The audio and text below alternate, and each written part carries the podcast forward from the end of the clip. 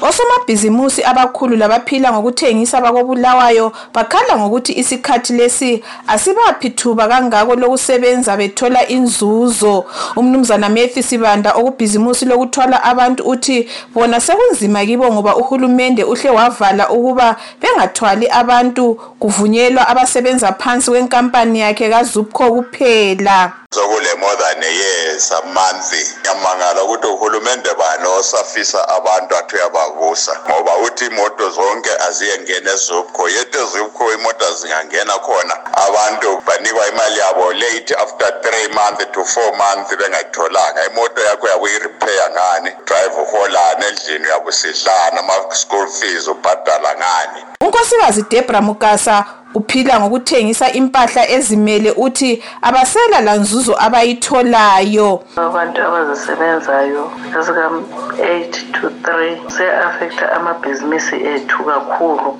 Ngoba sinanzelela ukuthi abantu abaningi baqalisa ukuhamba ngabo-5 ekuseni besiyahoda bebuye besethe abantu bengene imisebenzi. Sinanzelela lokuthi abaku-formal business batshayisa ngo-half past 3 thina kuyabe kumele lathi sibe sitshayisile ngo-3 so kuya-afektha kakhulu ukuthi sigcina sesiswele abantu bokuthengisela. Abantu bathi besuka emsebenzini yabo sebegijimela ngezindlini bebalekela ikhefyu lathi ngapha babe sokumele sikude izinto. So kusi-afektha kakhulu ukuthi sigcina singela bhizinesi esiyenzayo. So siyakhuthaza ukuthi ngawo uhulumende uyasitshintshela isikhathi esinike isikhathi sibe banzi mbijana noma kufike ku-five ukwazi ukuthi laba abatshayise ngo-three bedlule lathi bedobha lathi sisithole okuyethu nje. Umqondisi we-national consumer rights association umnumzana efincube uthi uhulumende angakunanzeleliyo yikuthi lokhu akuphazamisi osomabhizimusi kuphela kodwa labathengi. Yenza impilo ibe nzima.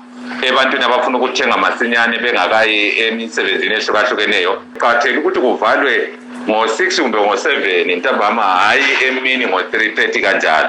Kanti-ke singakhohlwa njalo ukuthi abantu balahlekelwa yimisebenzi. Amankampani asabagcina abantu abaningi abayizisebenzi abaningi sebephungule kwathiwa bayehlala ekhaya. Njengalokhu amabhizinesi evala masinyane engazuzi imali abantu kabenelisi ukuthi babhadale abantu abeneleyo.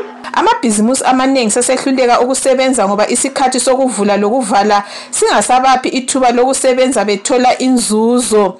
Abathengisa ukudla okubola masinya sebesehluleka labo ukuqhubeka ngamabhizimusi abo kodwa uhulumende uthi ozabonakala esephula isikhathi esihleliweyo sokuvula lokuvala uyabotshwa. Ngakwelinye icele abathengi labo bathi izitolo zivulwa sebesemsebenzini zivalwa labo betshayisa bengasatholi ithuba lokuyathenga. Uhulumende uthi ukubone kufanele ukuqhubeka ngeziqondiso ze-covid-19 lockdown ngoba ebona inani labatholakala belegciwane leli lababulawa yilo lokhe lisaqansile ezimbabwe. Umphathi ntambo wezokwethulwa kwemibiko unkosikazi monica mutswangwa uthi uhulumende uyalubona udubo olubhekane labantu labosomabhizimusi kungakho lezi ziqondiso ziqheliswe ngamaviki amabili bese kuhlolisiswa ukuthi kulokunye okungaguqulwa na. Ngimele istudio 7 kobulawayo ngingu-anastasia ndlovu